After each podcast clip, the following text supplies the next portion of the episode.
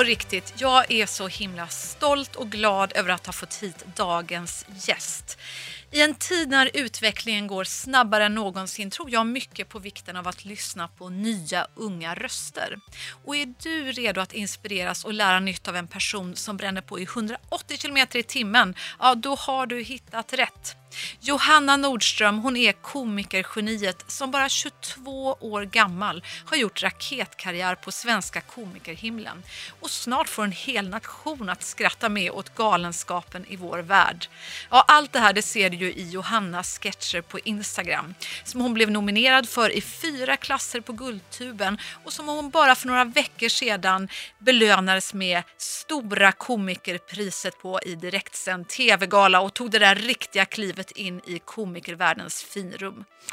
I succépodden berättar Johanna om hur hon knäckte den virala koden på Instagram och gick från noll följare till närmare 150 000 på lite mer än ett år. Johanna berättar också på ett gripande vis om åren när hon blev mobbad i skolan, om att känna sig tjock, om självhat, om att ha testat alla dieter utan resultat och varför hon på riktigt tycker att du, jag och alla andra ska sluta att kroppshetsa med tanke på nya generationer. Jag lovar dig att lyssnar du på dagens avsnitt, ja då kommer du att lära dig massor av kloka insikter av den här brighta unga kvinnan som är en av våra starkast lysande stjärnskott i vårt land. Missa inte Johannas bästa tips om hur man lyckas på sociala medier och vem som är rådgivaren som bestämde sig om hon skulle säga nej eller ja när jag ville värva henne för ett år sedan ungefär. Häng med under dagens avsnitt. Nu kör vi!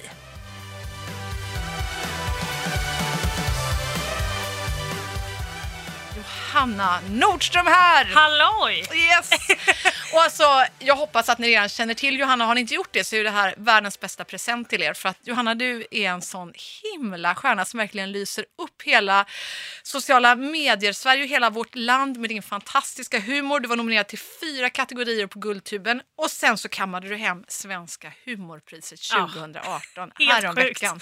Wow! Ja, nej, men det, det har gått så fort det känns som. Ja, jag menar, hur gammal är du nu på en skala? 22. 22 Ja. bast. Så Wow. att, fyller 23 dock. Men det jag, gör det, känner ja. mig, alltså, jag känner mig som 18 typ. Men det är helt otroligt Johanna. Alltså, vi ska ju vara transparenta här och avslöja att vi har ju faktiskt jobbat ihop förut. Ja, Ja, det har vi. jag hade förmånen, jag frågade en, en kollega till mig när vi jobbade på Bonnier då, eh, som heter Torbjörn Averås Skorup, så frågade jag honom, du, vem är riktigt grym på, på video, du vet storytelling i sociala medier? Han bara, Alltså, får jag tänka på det? Och så sa nej men det är ju Hanna Nordström. Och så träffades vi och du bara, you blew me away på den Nej, gud. anställningsintervjun. Du var så kaxig, rolig, stenhård och du la ju ut planen. Ja. Du, det var inte så att du försökte sälja in dig själv som perfekt för det här jobbet utan du berättade att du skulle bli komiker. Ja. Och jag kände, jaha, det var inte komiker vi skulle anställa egentligen. Men jag kände, äh, skitsamma, den här tjejen verkar ju asgrym, henne tar vi om vi får liksom. Ja. Jag kommer ihåg det där mötet, att jag, jag inte riktigt visste om det gick bra eller om det inte gick bra. för jag bara, men gud, för det var så mycket frågor, alltså det var så mycket sådana frågor som man så här, som jag själv kanske inte hade alltså, helt fakta på du vet. Men som jag bara så här, Hur gjorde du då? Freebase hittade du på eller vad, vad Nej men jag tänkte bara helt enkelt vad jag trodde och tänkte och så här, Ja. det borde ju vara rimligt att det här är det här som händer. Ja, Och just så, det. ja. Sitter bra. Precis. Ja. Jag, jag spår ju faktiskt i min eh, senaste bok Digital passion så lyfter jag verkligen dig som Mm. en person. Om man vill lära sig någonting och inspireras om hur man når ut i sociala medier så är det bara att gå in och följa dig på, på Instagram. Johanna Nordström. Ja men herregud, hur många följare har du nu idag? 164 000 någonting? Ja, men det är nog 100... Nej inte så mycket, 145 eller något sånt där tror jag är Ja, det, Instagram men det är bara i övermorgon är det Ja. 164. Så att, eh, men du, hur gör man då? Om vi börjar där, för de som eh, känner så här, gud jag vet inte riktigt hur man gör för Instagram, jag vet inte, jag kan inte. Hur, hur har du gjort? Nej, men för mig var det viktigt, jag, för jag var ju på Twitter innan och bara hade liksom Twitter och sen så Och där heter du eh, Jonilol eller skitjobbig. Mm. Så. Men sen så bara märkte jag att det gick ju så himla himla bra för folk på Instagram. Alltså folk som gjorde sig ett namn på Instagram och fick en stor plattform där, de fick alla de jobben som jag ville ha. Så att då tänkte jag bara okej nu får jag satsa på Instagram, nu gör jag sketcher istället på Instagram för det funkar med video. Nu, nu kör jag bara, det, även fast det var asläskigt i början att jag bara nej men gud kan jag verkligen göra det här? För jag hade liksom nästan inga följare alls där innan. Men så bara började jag och bara nischade in mig på att bara göra humorsketcher och bara försöka vara rolig liksom. Hitta en ironisk och humoristisk ton. Och sen körde jag, jag, jag la upp i alla fall minst en grej om dagen. Bara för att jag bara, nu måste jag vara aktiv och bara lägga ut så att folk ser att jag, jag uppdaterar mycket så att Instagram blir glada och du vet så, sådär. så att, Då bara körde jag på, bara mm. nischade in mig och så fick det bära eller brista. Liksom. När kände du att det började bära? Det var förra året någon gång som jag kände att, att det började liksom gå bra. Jag tror att förra året, ja men typ exakt ett år sedan tror jag. Att. Då började jag få, få mycket följare, alltså då började det så här ticka på. För det känns som att man kommer till den här 10 000 följarspärren mm. och då antingen så, så liksom saktar det ner eller så bara kör, körs det på. Liksom. Och då kände jag att nu tickar det på. Jag fick mycket liksom, nya följare hela tiden. Mm. Eh, så det var väl då som jag kände att det, att det liksom släppte. Mm. Men sen är det ju på alltså, det här året som det bara har exploderat. typ. Och vad är din nisch? Jag tycker det är så... Själv jag säga att jag tycker det är så... Jag kollade ju senast idag när du hade den här Vem som är statsminister i vårt land och så vidare. ja. ja, men det, det känns ju så här, du är en mästare på att plocka upp aktuella snackisar och uh, ja, få det liksom... Hallå Peder! Du vill veta vem som är statsminister just nu? Ja, just det. Jag ska googla. Enligt här så är det Stefan Löfven som är... Marika! Har hon förbildat regeringen? Nej. Nej men okej. Nej, han har inte bestämt sig Ja, ja. ja. Härligt med riksdagens växel. Du är ju ja. expert på det här med att plocka upp eh, aktuella snackisar. Som sagt. Hur, hur gör du för att få till det? Hur planerar du en, en sån här sketch? Hur tänker du? Nej, men jag tror att det bara var så här, jag, när det är såna aktuella ämnen som jag tycker är viktigt att ta upp och som jag så vet att det här är kul att göra humor av. För det är ofta så jag gör med aktuella ämnen eller allvarliga saker, att jag gör humor av det för att det är lättare för mig att nå ut med humorn istället för att sitta och skriva ett seriöst och argt inlägg bara som folk kanske bara så här backar ifrån. Men, Nej men jag orkar inte den här seriösa arga tonen utan hur ska vi lösa det liksom. Um, så att då är det bara så här, okej okay, nu det är kaos i riksdagen, ja. vi har ingen regering. vad, vad, liksom, vad kan man göra på det? Och då är det så här, de här oklara grejerna som, som är just nu, att man, bara, man kan bara göra humor, humor av det. Så det, det är egentligen så. Sen slår jag bara på kameran och, och, så, och så kör jag bara och liksom inte planerar med manus eller, eller så utan bara det får bli eh, improviserat och det får bli ja, som det blir. Du jobbar ju nu med Pantamera också, eller hur? Mm. Ja, har Berätta gjort. om det. Hur funkar det? Det har varit hur kul som helst verkligen. Mm. Men dels för att Pantamera har varit en sån otroligt bra kund bakom det som har låtit oss, vi har varit fyra personer i redaktion som har suttit och skrivit eh, och skådespelat. Och de har liksom tagit ansvaret till oss och bara lagt över det på oss. Bara gör det som ni gör bäst. Så att vi har fått vara liksom kreativa i liksom fem veckor där vi har bara kunnat skriva sketcher och, och liksom så spelat in dem. Och det har inte behövt vara Pantamera som har varit i fokus. Det, det, är det som har varit så skönt för det är många företag som kommer och bara ah, men, eh, vi, vill göra, vi vill göra en video om dig men du ska visa vår produkt en sekund in i videon och prata om den hela videon. Det är jättesvårt att göra en trovärdig reklam och göra en, ett bra content av någonting som man blir styrd av. Um, så att det här har varit hur kul som helst. Att vi har bara kunnat vara kreativa och, och gjort vad vi vill och gjort det vi tyckte kul. Och det har ju liksom uppenbarligen funkat hur bra som helst. För att Pantamera blir en otroligt bra och trovärdig kund som förstår sig på humor, förstår sig på kreatörer och förstår hur man ska nå ut till unga personer på sociala medier. Um, så det, det, har varit ett drömprojekt verkligen. Mm. Um, mycket jobb men hur kul som helst. Kul. För jag, jag, tänker mig att det är jättemånga företag där ute som tänker så här, gud vi borde kanske samarbeta med influencers. Men hur mm. gör man för att det ska bli riktigt, riktigt bra? Jag tror att man, man behöver låta liksom, den som den influensen göra det den gör bäst. Så jag vet vad som går bäst på mina kanaler. Då måste de lita på mig och lita på att det kommer gå bra. Men då måste man så här, våga släppa på spärren lite och våga släppa det här renodlade reklamfilmerna som finns liksom, på tv som bara är liksom, riktat om en produkt. Att, så här, för att få det så naturligt och för att få det så som en redaktionell känsla så att det inte blir en försäljande reklam så måste företag låta liksom, kreatörer göra det de gör bäst. För det är det som man har byggt upp sin plattform på, liksom, för att man vet vad det är som funkar.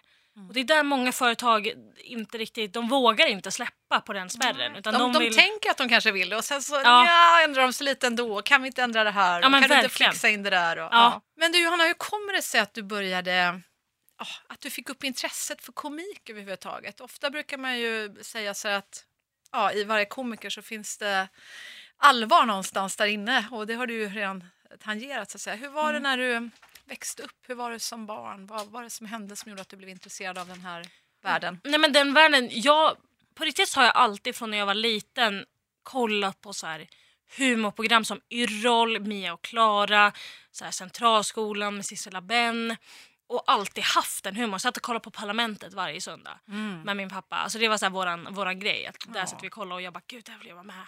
Men humorn har alltid kommit. Jag kommer från en väldigt humoristisk familj. Vi har alltid skämtat och liksom så haft den ironiska tonen. Men sen tror jag också i början så var det ett sätt att så skydda mig själv. Att så här, om, jag, om jag skämtar om mig själv först så kommer ingen annan skämta om mig. Typ. Eh, I skolan, typ så här lågstadiet och, och högstadiet så. Att så här, om jag är rolig så kommer folk tycka att det är kul och Mm. inte så här, vilja skämta om mig istället. Eh, så För det hände en del. Ja men det hände, det hände att folk, för att jag var väldigt och har alltid varit väldigt tjock som liten och nu liksom och det, det har ju liksom inte passat in i liksom normen. Och då, då var det så här, folk kunde lägga kommentarer och sånt där för att när man är barn så, så vet man inte heller bättre. Alltså så här, så att jag, jag blamear liksom ingen att, att det hände men, men man, man försöker liksom jobba för att man ska förstå att alla ser olika ut. Liksom. Eh, Du skrev en krönika om det här tycker jag som Ja. var fantastisk som berörde mig jättemycket i, i Veckorevyn för ja, något år sedan kanske. Mm. Och du skrev att du, jag gick till Viktväktarna första gången när jag gick i sexan, då var jag 12 år gammal. Mm. Och, och, sedan dess har jag bantat till och från och jag har testat allt och, Ja. och så vidare. Men du säger det just att jag, jag blamear ingen men du Mm. berättar om hur jäkla tufft det var. Alltså. Ja, verkligen. Det var, alltså det, man gick ju omkring och bara tänkte hela tiden på hur man såg ut och vad man, eh, hur man framstod och så. Så det har varit jätte, jättetufft. Det har inte varit förrän liksom nu som när jag flyttade till Stockholm för tre år sedan som jag känner mig så säker i mig själv och vet, så här, eh, vet bättre och inte kan klacka ner på mig själv på det sätt som jag gjorde då. För då var det jättemycket att jag, ja, men som jag hade skrivit i den krönikan, Mm. att jag, jag har nog testat varenda diet som går i, hela, liksom, i hela världen. Man kan så googla det, alltså du vet så här, vad förbränner mest? Alltså, du vet, så här, 5-2 GI, Ja, Tutti. allt. Och, Verkligen. och vad du också skriver där vill jag minnas är ju att så hallå snälla ta ansvar där ute, sluta skriva om dieter. Mm, verkligen, det tycker jag är superviktigt. Speciellt när man är en liksom, offentlig person, alltså som influencer som är väldigt så här, har den här polerade bilden av hur, hur liksom samhället ser ut. Alltså det är middagar, det är event, det är liksom press, lunch, alltså allting. Och, och vi blir inprintade så himla mycket redan av reklam överallt av så här hur man ska se ut, vad man ska äta, vad som är... Alltså bara kolla på de här bowlsen som har blivit den värsta grejen. Ja. Så här, det här är det nya, det ska du äta för det är nyttigt och fräscht och du vet Ja. så. Att man synonymt med nyttigt och fräscht så ser, tänker man en smal person liksom. Så att jag tycker att det är jätteviktigt att, att influencers tar ansvar av att inte så pressa på och bara så här, nu testar jag den här dieten för att eh, jag måste gå ner mina sommarkilon som jag har lagt på. Alltså du vet så här, för att det, man påverkar så himla mycket mer än vad man tror att man gör. Och jag vet att så här, jag läste så här, bloggar som så här, Kissy och Pau och Desi när jag var yngre. Och de höll på hela tiden med det här. Alltså Kissy, hon, jag kommer ihåg att hon åt barnmat för att hon skulle äta så lite kalorier som möjligt och så här, för att hon skulle gå ner i vikt. Och då blir man ju själv bara, men gud jag kanske också borde göra det för att hon är ju mycket smalare än vad jag är. Jag, jag inte, alltså, så att det påverkar jätte- jättemycket. Och det är jätteviktigt att inte pressa på folk så här, utseendehetsa eller kroppshetsa eller liksom trigga igång saker. Jag, jag förstår inte vad man får ut av att göra det. Liksom. Vad skulle du vilja säga till Johanna 12 bast då, om du hade chansen idag eller om du hade en annan tjej eller kille som är Mm. 12 år idag som brottas med samma verklighet och, som du hade när du var 12? Jag skulle nog liksom ha velat prata om det mer och ta upp det. För det har varit väldigt det är ju väldigt tabubelagt ämne på något sätt och att, och det är det fortfarande att säga så här, jag mår dåligt för att, för att jag jag känner mig, eller inte känner mig, men att jag, jag ser inte ut som andra. Eller jag, jag är tjock och det får man inte vara. Eh, att våga så här prata om det mer. Att så här, be sina föräldrar kanske inte prata om utseende, inte prata om mat, inte prata om hur, hur de har gått upp i vikt eller om hur de har gått ner i vikt. Alltså allt det där påverkar ju så himla mycket. För mina, mina föräldrar har också gått på så hur mycket olika diet som helst. Och det påverkade mig jättemycket. Och det tror jag att de vet idag. Och de Mm. ser vad jag har skrivit om. Och idag så pratar vi inte alls på samma sätt. Min syster har också varit väldigt så här pendlande i vikt och varit väldigt så här, träningsinriktad och bara men gud vi borde gå och träna, vi borde göra det här, la la la. Och idag så är hon mer så här att hon, hon förstår hur, vad det är som kan hända om man pratar för mycket om det på ett nedvärderande sätt. Om man pratar om sin egna kropp. Alltså om någon som jag ser upp till pratar nedvärderande om sin kropp och säger så här, jag ser ut som fel, jag ska inte se ut så här. Då blir ju jag bara, men gud, du ser ut så här, jag ser ut så här. Du vill inte se ut så här, då borde inte jag heller se ut så här. Så att liksom, jag tycker att föräldrar har ett jättestort ansvar för sina, sina ungar och för vad de pratar om hemma. Och att inte så här hetsa till att man ska se ut på ett visst sätt. Liksom. Men du, vad har din familj betytt för dig då? Oj, allt skulle jag säga. Mm. Alltså det, det är ju verkligen... Jag jag och min syster har nu på senare dagar fått en väldigt bra relation. Vi hade inte jättebra relation när, när vi var yngre. Eh, det är sex år emellan oss så det, det är ganska så här, det är typ nu som man känner att man kan umgås Mm. mer än vad man gjorde kanske när jag var, när jag var liksom ja, 10 och hon var 16. Ja, det är Hon klart, inte umgås med en stort. 10-åring Ja. liksom.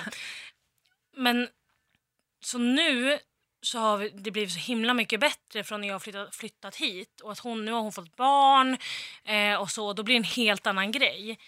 Min pappa han är ju den som jag, jag ringer om allt. Alltså så här, om det är något beslut. Då, han ringde jag till och med när, när vi hade varit på möte hos dig på Mon- Jaha, vad Bonnier. kul. Ja. När jag bara, åh gud nu var jag på det här mötet, det känns ju bra. Lala. Han bara, men kör. Och när han säger så här, kör. Då blir jag så här, ja då gör jag det. Vad för att han, han, på något sätt så har han alltid haft det så här sista ordet i, i mina beslut. För att jag, han eh, gör mig så trygg och så här, är verkligen, nej men är verkligen jag i en, i en liksom manskropp. Jaha, ja, vad Så att vi, vi är exakt likadana, tänker likadant, båda så här arbetsnarkomaner som bara Mm. jobbar och jobbar och jobbar och, och liksom inte har något inte har något stopp liksom. Men fortfarande har det här liksom humoristiska och komiska. Min mamma också, hon är verkligen eh, liksom någon som jag ringer om jag är ledsen eller, eller Mm. vad som helst som hon bara Ja, hon, hon fattar mig, hon förstår mig på, vi, på ett sätt som, som ingen, ingen annan gör. Liksom. Mm. Så Gud vad ja. underbart att höra. Man önskar att alla barn hade fick Ja, en sån fin gud, relation till sina verkligen. föräldrar. Otroligt, jag är otroligt tacksam. Särskilt så här, med att ha så stöd för att så flytta till en annan stad och kunna få hjälp. Alltså massa sådana grejer som jag vet att det är många som inte har, har eh, möjlighet att få. Liksom. Mm. Under din uppväxt, var det någonting speciellt jobbigt som ni gick igenom som familj? Ja, min, min bror dog ju när han var tre. Oj. Ehm, min eh, storebror. Eh, han dog 1994 så jag, jag föddes 1995 så jag hann aldrig träffa honom. Men det har varit en väldigt stor grej och mycket anledning till varför jag och min syster inte hade så bra relation för att hon inte mådde så bra och så. Så det har varit det har ju varit väldigt tufft liksom in, inom, inom familjen och så. Men idag så, så har det ju på något sätt gjort oss väldigt så här, starka som familj och fått en väldigt så här, bra gemenskap och så här, att man verkligen uppskattar. Jag vet att jag var så jävla arg på att de alltid så här, överbeskyddade mig. Så att jag inte fick göra kanske grejer som mina kompisar fick. Och att jag bara, men åh, alla mina andra kompisar får göra det här. Men det var ju bara för att de, de visste hur det var att de hade liksom mist sin son. Mm. Och idag är jag jättetacksam för det för att jag vet att det är jättemånga som, som växer upp med föräldrar som kanske inte bryr sig eller som inte, inte har den liksom, vad ska jag säga, kärleken till sina barn som de har haft för mig. Så att jag tror att det har gjort att dels också att vi har liksom haft en jättebra uppväxt på det sättet. Men det Mm. var ju jätte, jättejobbigt liksom. Har du alltid vetat att du hade en storebror som gick bort? Men på något sätt, jag tror det. För att jag, jag minns inte när de berättade det för mig. Jag har, jag, jag har alltid bara vetat det på något sätt. Och det är så sjukt för att jag har har liksom aldrig haft ett minne av att så här, just den här dagen så fick jag reda på det. Utan det har alltid bara varit en naturlig grej, låter fel att säga, men det har alltid funnits där och jag har alltid vetat om det. Och det har liksom varit en, en del av, av vardagen. Liksom. Men jag har liksom inte... Jag vet inte när, vi, när de har liksom sagt det till mig eller när jag fick klart för mig att han, att han liksom inte levde längre. Så det är jättekonstigt. Mm. Vad, vad var det som hände om jag får fråga? Eh, ja, men det var en olycka Ja. var det. Ja. Eh, Mm. Tyvärr. Så att ehm, det är det som har varit kanske det mer bättre för mig att jag inte var med om det, upplevde det inte. Så jag har inte jag har levt med en saknad av att det är någonting som, som fattas liksom, men jag har aldrig varit med om den liksom, smärtan av att förlora någon som faktiskt har, har betytt någonting på det sättet som, som mina föräldrar och min syster har. Vad tror du att du har, eh, att det här har gett dig som barn? Alltså tänker jag, och människa säkert idag också, som kanske inte alla andra har med sig när man har med sig något sånt från början. det är det som är så konstigt för att när jag på något sätt så har jag ju inte varit med om det. Alltså, Mm. det har alltid bara, jag har alltid bara vetat det. Men jag har liksom inte, jag har ju liksom aldrig hört honom prata, jag har aldrig liksom haft någon sån connection men jag känner ju fortfarande att jag har en bror. Liksom. Mm. Men när jag hör att så här, kompisar, så här, föräldrar går bort eller så, typ nu i min ålder, då får jag säga men gud, vad, jag hade aldrig kunnat liksom gå igenom, alltså tanken på att mina föräldrar någon gång ska liksom inte finnas i mitt liv. Då får jag panik, alltså då blir jag så här, nej nej nej, nej, det, det får aldrig hända liksom.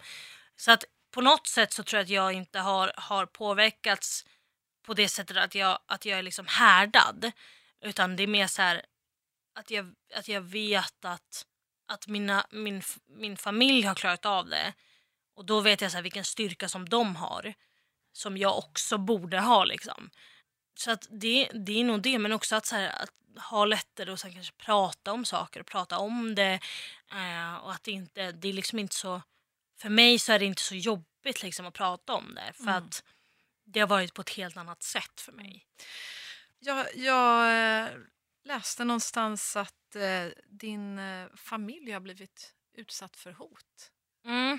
Stämmer det? Jag jobbar ju med ett program som heter Trolljägarna också. Där Just jobbar det. vi ju just med sociala mediers baksidor också. Mm. Det här att, eh, inte minst som du själv nu då, som väldigt offentlig person som följs och älskas av hundratusentals människor i Mm. Ja. vårt land och sprider glädje och gör så otroligt mycket gott och säkert får mycket kärlek hoppas jag tillbaka. Ja, gud ja. Ja, men det får jag verkligen. Det, det, det är både och. Jag får, jag får mest kärlek liksom. Hur mycket kärlek får du på en dag? Det tycker man pratar för lite om, nätkärleken. Alltså supermycket. Och det, det är hur, så många, svårt. hur många såna positiva meddelanden eller ett litet hjärta eller vad kan det handla om? Oj, kanske hundra om dagen. Det är ju härligt. Ja, det hur känns det på en superfint. skala? Ja, men alltså, det är ju alltså, det är svårt att förstå. Mm. Alltså, det är ju verkligen så här.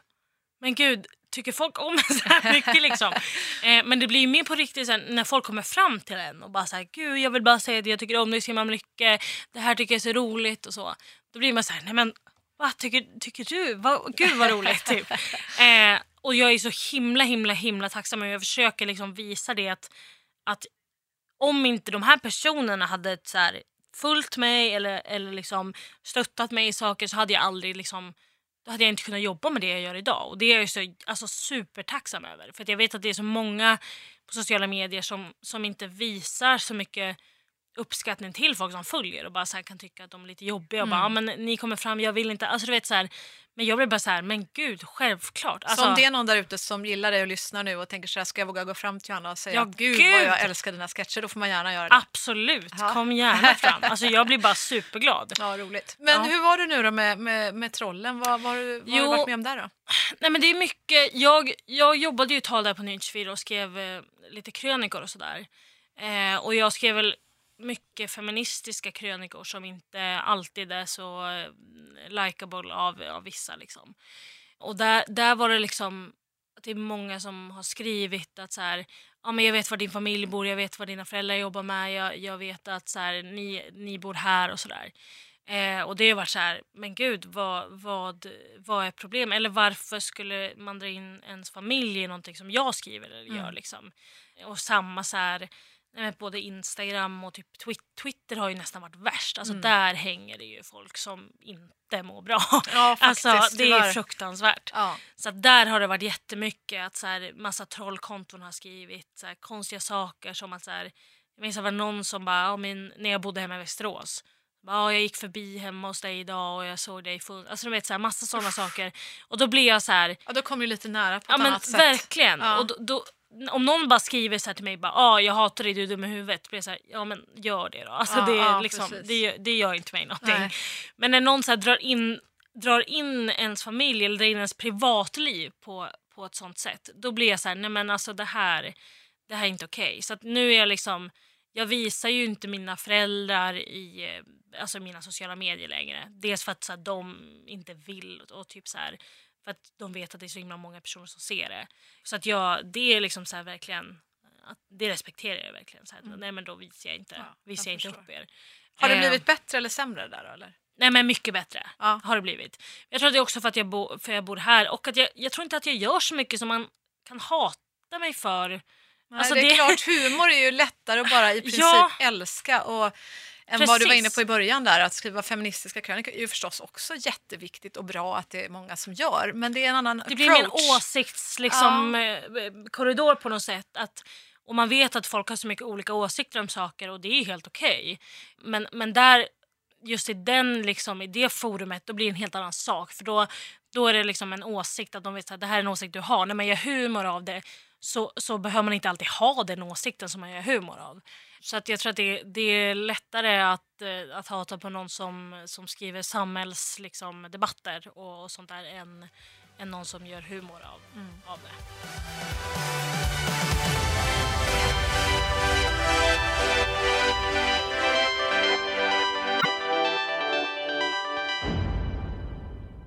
Alltså det här med dig och Micke P. Hur går det med Micke Persbrandt? Har ni connectat något i verkliga livet eller? Ah, vi har ju inte det. Alltså är det så? Alltså för, för eh, om det är någon som inte mot förmodan följer dig i sociala medier så är det ju något med dig och Micke Persbrandt. Alltså vill, vill du Ja. berätta? Vad, vad... Nej, men jag älskar Mikael Persbrandt. Alltså, det har jag gjort ända sedan jag var liten. Samma sak som att jag och pappa alltid kollar på Parlamentet på söndagar så kollar vi alltid på Beck också. Alltså jag har växt upp med att kolla på Beck. eh, och där var ju liksom Micke med och spelade Gunvald. Ja. Och han var liksom både en allvarlig karaktär men också en, en karaktär som kunde skämta och var rolig. Liksom så. Eh, och jag fastnade i det för det, det direkt och har kollat på typ allt han har varit med i och bara såhär, gud jag, jag älskar honom. Och för att jag tycker att han är väldigt attraktiv. alltså, han, är, han är ju väldigt snygg Ja, ja, han är väldigt snygg. Absolut, åldern, det är väl liksom. bara att erkänna. Ja, ja. Ja. men det, det kan ju ingen säga nej, Nej, det tror jag inte. Absolut inte. Nej men eh, så att eh, det går ju, går ju sådär. Jag skrev ju till och med en serie om honom som tyvärr inte har gått igenom än. Den ligger fortfarande och bubblar någonstans. Så det är bara att lyssna alla tv-makare ute om ni letar efter ett koncept. Ja. Koncept om Mick P Ja. och mig. Vad har du för andra förebilder i...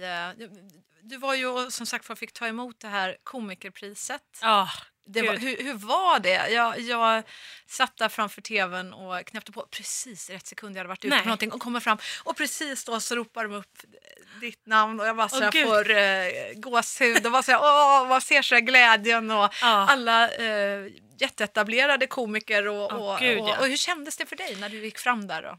Nej men alltså det var ju så sjukt för att jag blev så chockad. Alltså jag hade ju inte räknat med det alls. Jag var 100% säker på att, jag, att vi inte skulle vinna.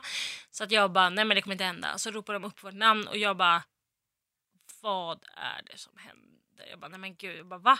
Och så bara, nu ska vi upp på scenen och jag bara, gud vad, vad ska jag säga? Och du vet så här, man blir helt så här och jag bara, nej men herregud. Och så var det var så känslig gala också för det är Barncancergalan som och man har ju liksom suttit och gråtit nästan hela kvällen. Så att det blev så, blev så känsligt också på, på det sättet. Alltså det var så mycket som bara, som bara gick igenom mitt huvud. Men nu efterhand, jag bara fy fan vad coolt det är. Alltså så här, det, det är verkligen så här. Jag är så otroligt glad för det. För att det var så jävla, det är så jävla fett.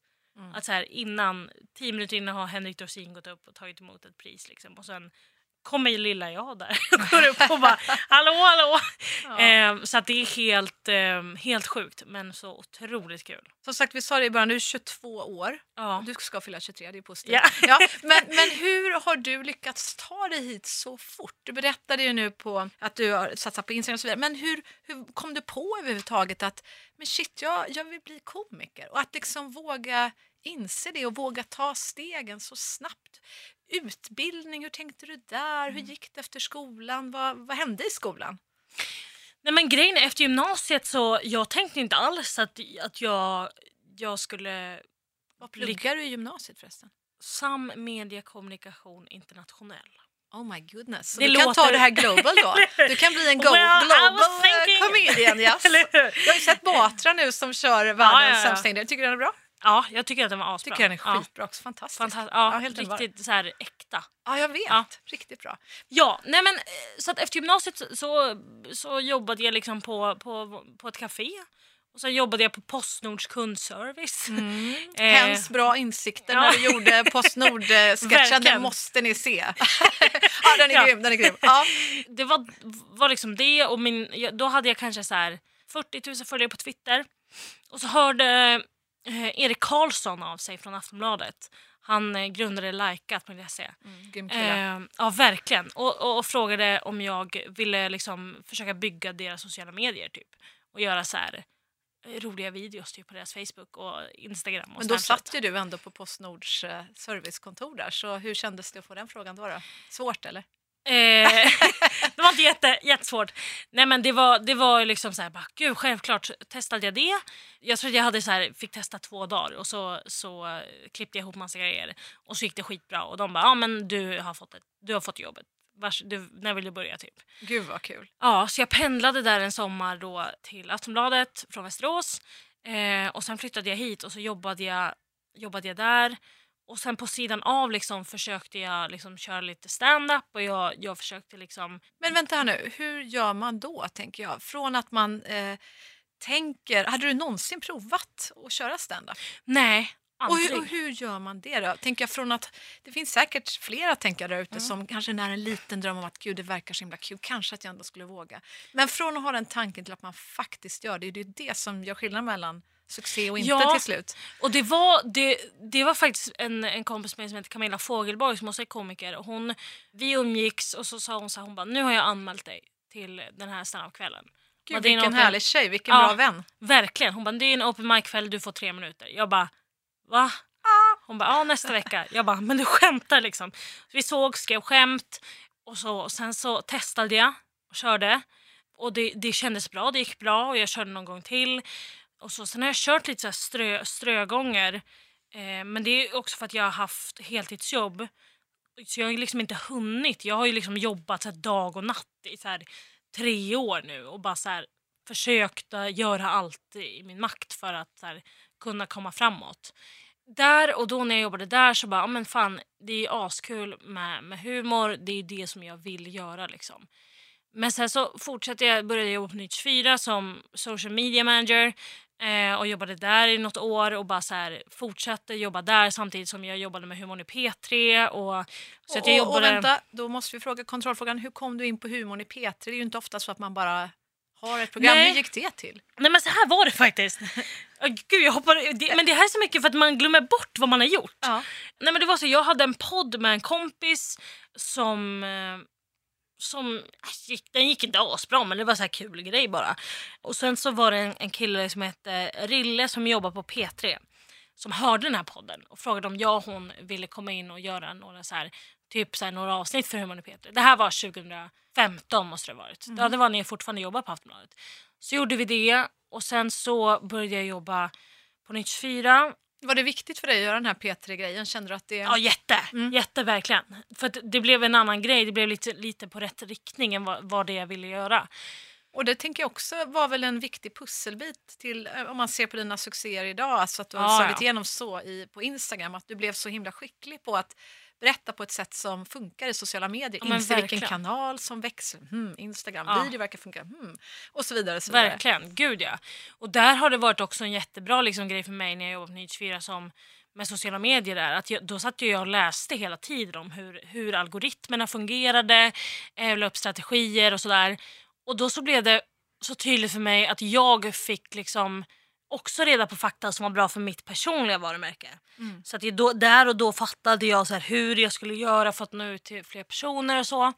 Och samtidigt där och då så hörde Rille av sig igen och frågade om jag ville göra Humor i Petra i en längre liksom, period. Och det ville jag ju såklart. Så, att, Mm. så att då frågade jag Torbjörn då, eh, av Skorup om han ville göra det med mig. Och ni var polare sen förr så att säga. Vi Han hade, ni hade jobbade på varandra? Ja, han, jo, han började på Likat när jag skulle sluta på Likat. Ja. Eh, så det, vi träffades bara en snabbis men sen så, så följde jag honom på Instagram och tyckte att han var rolig och bara fan han är, han är kul. Jag tror att vi hade kunnat jobba bra ihop. Så då gjorde vi Humorn P3 i liksom, några veckor så då jobbade jag fortfarande med Nyhets 4 eh, men också med Humorn P3 så jag jobbade så här 200 procent typ med, med allt det alla och försökte liksom få in stand-upen på, på något sätt och bygga sociala medier. Alltså det var, ja. Så att jag, det var, det var liksom mycket jobb där men då gjorde jag Humorn P3 och sen så kände jag mig lite klar med att jobba med sociala medier på ett sånt strategiskt sätt och för någon annan där jag inte själv fick, alltså jag utvecklades inte på det sätt som jag ville. Och eh, då var det ju perfekt att med Bonnier. Ja, då, då var det perfekt Ja. med Bonnier. Det var ju Torbjörn som, som tipsade Ja, oss båda om att Ja. det kanske fanns ett mutual interest. Verkligen. Eh, Och så kom du in och gjorde succé på vår videoavdelning. Och jag tänker ett framgångstips här tycker jag är att, att du var så tydlig redan i den där första intervjun med både mig som var Mm. digital chef och Linnea som då var din närmaste arbetsledare för videoteamet där. Ja. Att nej, men vad du brann för det var, det var att bli komiker. Ja. Och att du var så tydlig där från början för då visste man ju det. Mm. Istället för att man försöker plisa någon annan med vad man tror att den vill höra. Ja, Helt precis. fel. Man ska ja. utgå från sin egen passion. Och det är ju inte så himla lätt att sitta där som arbetsledare eller arbetsgivare och tänka så här, hm, undrar vad den här tjejen brinner för om man inte får veta det. Nej. Men får man veta det från början tänker man ju hela tiden, jaha men gud vad häftigt. Hur kan vi ta tillvara på den här talangen? Mm. Hur kan hon tycka att det är kul att jobba här och själv känna att hon utvecklas och vi också kan Mm. lära oss någonting på resan? Verkligen. Och det var ju super, superbra. Alltså, jag gynnas ju asmycket av det. Vi gjorde ju liksom hur mycket sketcher som helst för Veckorevyn. Ja. Som bara var så här. Alltså så jävla kul. Som var helt fantastiska. Ja, och just det kul. teamet du hade där också med, med Torbjörn. Ja. Det var ju typ många som, som grät när Torbjörn och, och du gjorde slut. Ja. och Torbjörn han drog vidare till SVT och, och du eh, och, Var kvar. Och, ja, och du var kvar. Och ni snackar ju mycket, som, mycket om att ni är ex nu. ja. Och det har ju spekulerats i om ni har varit ihop. Och jag vet folk på Bonnier var bara så här, va? Var ni ihop hela tiden utan att vi fattade någonting? Vad är det här? De kände sig helt blåsta. Men in och varit hemliga kärleksparet. Har ni varit det någonsin? Nej, det har vi inte. Det var så kul att det är så många...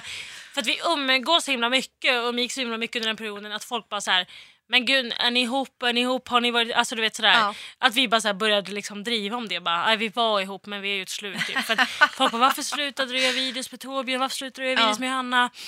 Och då var det bara en kul grej. Så nu skämtar vi bara om att vi är ex. Typ, Ja. så här, för att folk tycker typ att det är roligt bara. Så att vi, det kan jag försäkra alla om. Vi har inte varit ihop. Vi, vi är bara jättebra vänner liksom. Men du, hur är det? Är du ihop med någon eller är du singel? Eller hur är det med det? Eh, just nu är jag inte ihop med någon. Nej. Nu är jag singel. Ja, Ja. härligt. Eh, jättehärligt.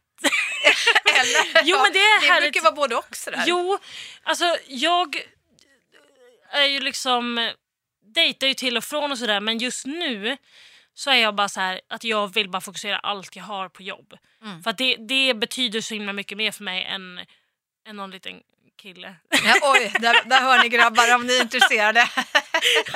Verkligen. Vart ni hamnar liksom i Ja. rangordningsdjungeln där. Ja. Nej, men det är ja, prio ett just nu och det måste jag liksom fokusera på. Ja. Och du ska ut på turné i höst, eller hur? Sverige Ja. Massor av ställen. Det var Ja. en lång giglista. Ja. Från vart till vart och ungefär vilken period är det? November Oj, va? ja, 6 november till 20 november är det väl. Mm. Ehm, och då är det liksom allt ifrån Malmö, Trollhättan, Umeå, Skellefteå tror jag till och med. Norrköping, alltså du vet en massa olika eh, ställen. Gud vad Så kul. att, ja, det kommer bli superkul. Vad verkligen. heter showen? Är det Johanna Nordström typ? Eller? Nej, Nej alltså den det heter är ju, något. Nej men det är ju en, det är ju liksom en stand-up-turné med massa olika komiker så vi åker ut ihop. Mm. Eh, så det är med en klubb som heter Brooklyn Haha. som liksom styr den här. Det är David Sundin som, som kommer hosta mest och en tjej som heter Kir- Kirsty, tror jag. Kirsty. Jag vet inte hur man uttalar det. Ja, som kommer liksom vara, vara liksom MC och så kommer det vara jag och det kommer vara Petrina Solange och Johanna Wagrell och en massa superroliga komiker. Så att jag blir så här, gud det är så många komiker som, som är så jävla bra till, alltså, som jag ser upp till så himla mycket. Så att det är så himla, himla kul och roligt att jag får liksom åka ut och köra med dem. Du kommer ju ta över Komiker-Sverige nu, det är så det kommer att bli. Ja, jag hoppas det. Jag kommer ihåg att vi satt i en russebuss av alla ställen på jordklotet på väg hem från någon, något event och satt och snackade om det och då kände jag ja, det kommer att bli så. just det. Ja. Vad har du för förebilder inom komikervärlden? Johan Glans är ju min nummer ett. Alltså har, har liksom alltid varit. Han, Mm. Jag tycker att han är så skicklig och duktig, briljant, alltså fantastisk komiker. Så att han är liksom nummer ett. Sen har jag alltid haft Sissela Benn. Hon har, med liksom Filippa Bark har liksom varit Just det. allt. Men sen också någon som kanske inte kallar sig för komiker men som för mig har varit en väldigt komisk förebild. Det är Maria Lundqvist. Vad är det du gillar med henne? Jag tycker att hon är så otroligt duktig skådespelare. Alltså, hon har sån komisk timing och hon är så liksom ställer sig in i en roll på så, så himla bra. Har du sett Heartbreak Hotel med henne och Helena Bergström? Nej, jag får nog se igen i då, i Ja. så fall känner jag. Mm. Ja, men den, den är så otroligt rolig. Alltså, det är en av mina favoritfilmer och folk blir så här, men gud kan det vara din favorit, favoritfilm? Jag bara, men alltså Jag de bara, inte ens Micke Persbrandt är med. Nej, precis. Nej, men de två är så otroliga och Maria är så, så rolig att jag blir arg. Alltså Oj. du vet så här, jag blir så här, Åh, man kan inte vara så här rolig, man kan inte vara så här duktig. Du, när grät du senast? Men jag är ju sån som inte gråter så mycket på riktigt. Alltså jag gråter ju till filmer och sånt där. Mm. Alltså det, det, jag grät igår till Wahlgrens värld. För att... Oj, Wahlgrens värld Nej, men, ja. nej, men här, för att Pernilla var så stolt över Benjamin i Eurovision. Och då blev jag så här, åh det är så fint liksom. Eh, så att jag gråter ju till mycket serier och sånt där när jag blir så här, jag bara, åh det är sorgligt. Men gråter, jag gråter otroligt sällan. För att jag är ledsen. Så att jag minns faktiskt inte när jag grät senast. Det måste varit så ett år sedan typ. ja, men det är väl härligt om du inte har så mycket sorger i livet då? Nej men jag tror att jag är ganska, jag tar inte så, så här allvarligt på saker. Alltså jag, jag säger alltid så här, kan inte jag påverka det själv då får jag släppa det liksom. Så att om det är liksom saker som jag kan vara arg eller irriterad över så blir jag så här, okej men kan jag göra någonting åt det? Kan jag, kan jag förändra det här? Nej, det kan jag inte. Okej, då får jag släppa det istället för att bli ledsen över någonting eller att bli arg. För att det, jag, jag hinner liksom inte ha dem de grejerna på mig för att jag blir så här, jag har massa annat att göra än att sitta och sura liksom. Ja, det där är ett himla bra tips. Ja. Alltså. Jag tänker till alla där ute. Alltså, Ja. som, Kan, man Kan- inte påverka då är det bara att släppa det liksom. ja, faktiskt. Mm. Du har några mer såna där bra tips som du tror faktiskt, som man kanske inte, du kanske inte ens tänker på att du, förhållningssätt du har till kanske motgångar exempelvis. Mm. Att, eh, ja, men du vet, du hoppades att du skulle få det och det gigget eller jobbet eller så blev det inte. Ja. Det kanske just så du tänker då som du sa nu. ja men dels men också att, att jag, går man typ på en, om jag går på en casting eller om jag liksom eh, går på något möte om något jobb som jag verkligen vill ha så får jag inte det. Då blir jag så här okej. Men då, då, då sparar jag den här idén eller då blir så här, då har jag i alla fall träffat den här personen som kanske sen kommer tänka på mig i ett annat sammanhang. Alltså du vet så här, man kan inte, jag tror att låter man den negativa synen ta över, dels så kommer man sätta för mycket liksom, press på sig själv och man kommer liksom tänka oj nu är inte jag något bra i det här, jag, jag är sämst jag fick inte den här rollen eller fick inte det här jobbet. Och jag tror att det är viktigt, speciellt om man jobbar i den här branschen, att så här, trycker man ner sig själv så kommer det gå åt helvete. Man måste liksom försöka lyfta sig själv och se liksom det bra i det man gör. Och sen är det klart det kom, att det kommer gå skit. Allt går inte, det är inte en dans på rosor att leva livet. Liksom. Utan det, man får vara beredd på liksom, motgångar och jag tror att det bara är bra att man får lite så här wake-up call och bara okej, så nu fick du inte det här men då, då jobbar vi lite hårdare och så får du nästa. Vilket underbart förhåll- förhållningssätt. I love it. Är, ju- ja, jag, älskar det. Så himla klokt. Men eh, Johanna, vad tror du då om, om ytterligare några år? Vad är nästa dröm? Vad är det som... Vad driver dig nu? Vad ska du någonstans? Gud, jag vill ju göra så himla mycket men, men just nu så vill jag satsa jättemycket på både stand-upen, jag hade jättegärna velat göra en föreställning men sen vill jag också skådespela. Jag vill skådespela humor jättegärna. Så det, det är liksom mitt största mål just nu. Att så här, få, få skådespela humor. så det kan bli fett. en tv-serie med Johanna Nordström framöver? Ja, jag hoppas det. Ja. I alla fall.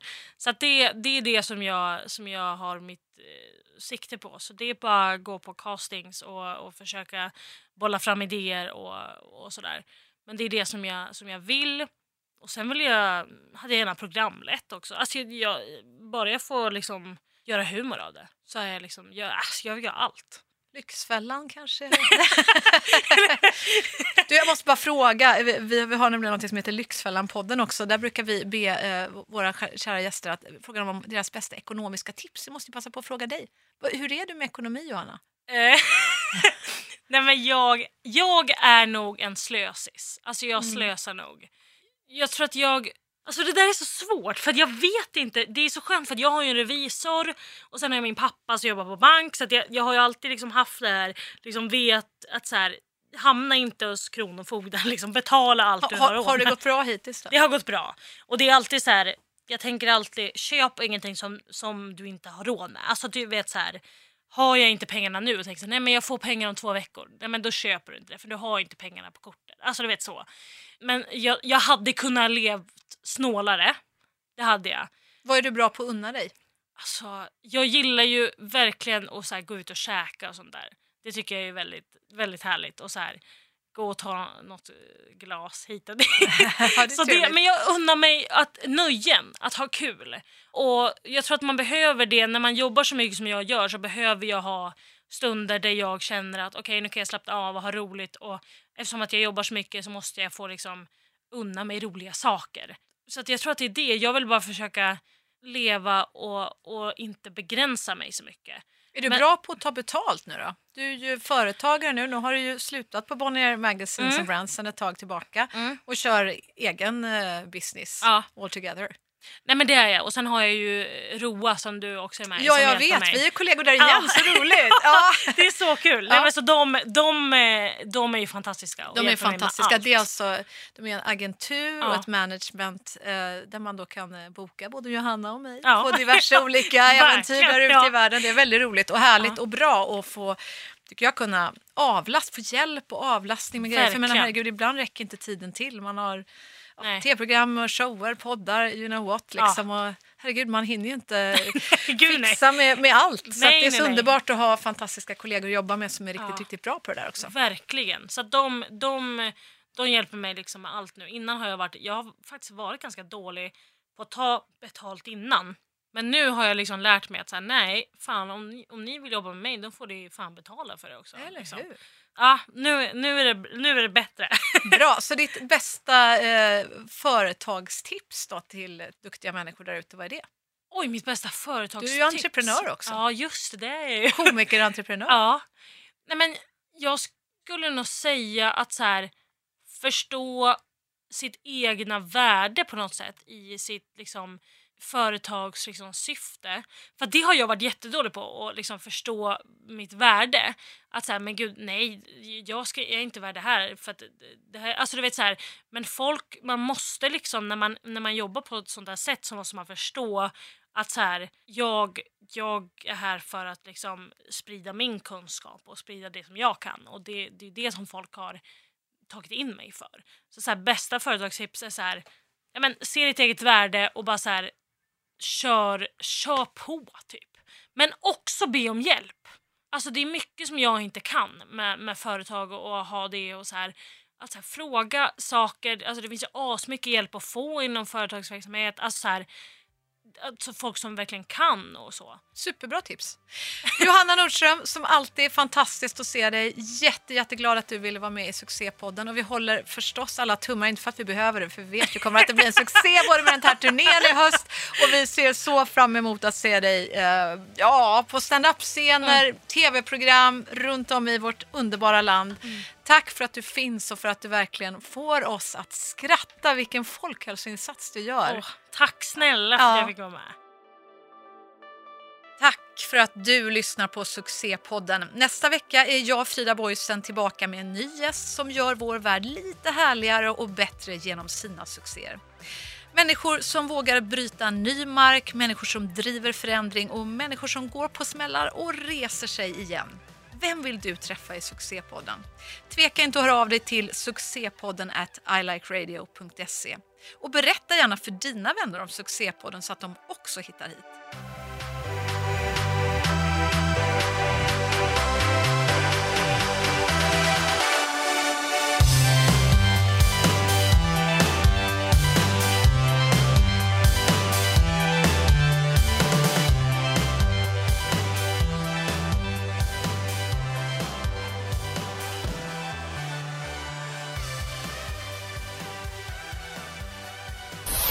produceras av I Like Radio. I like radio.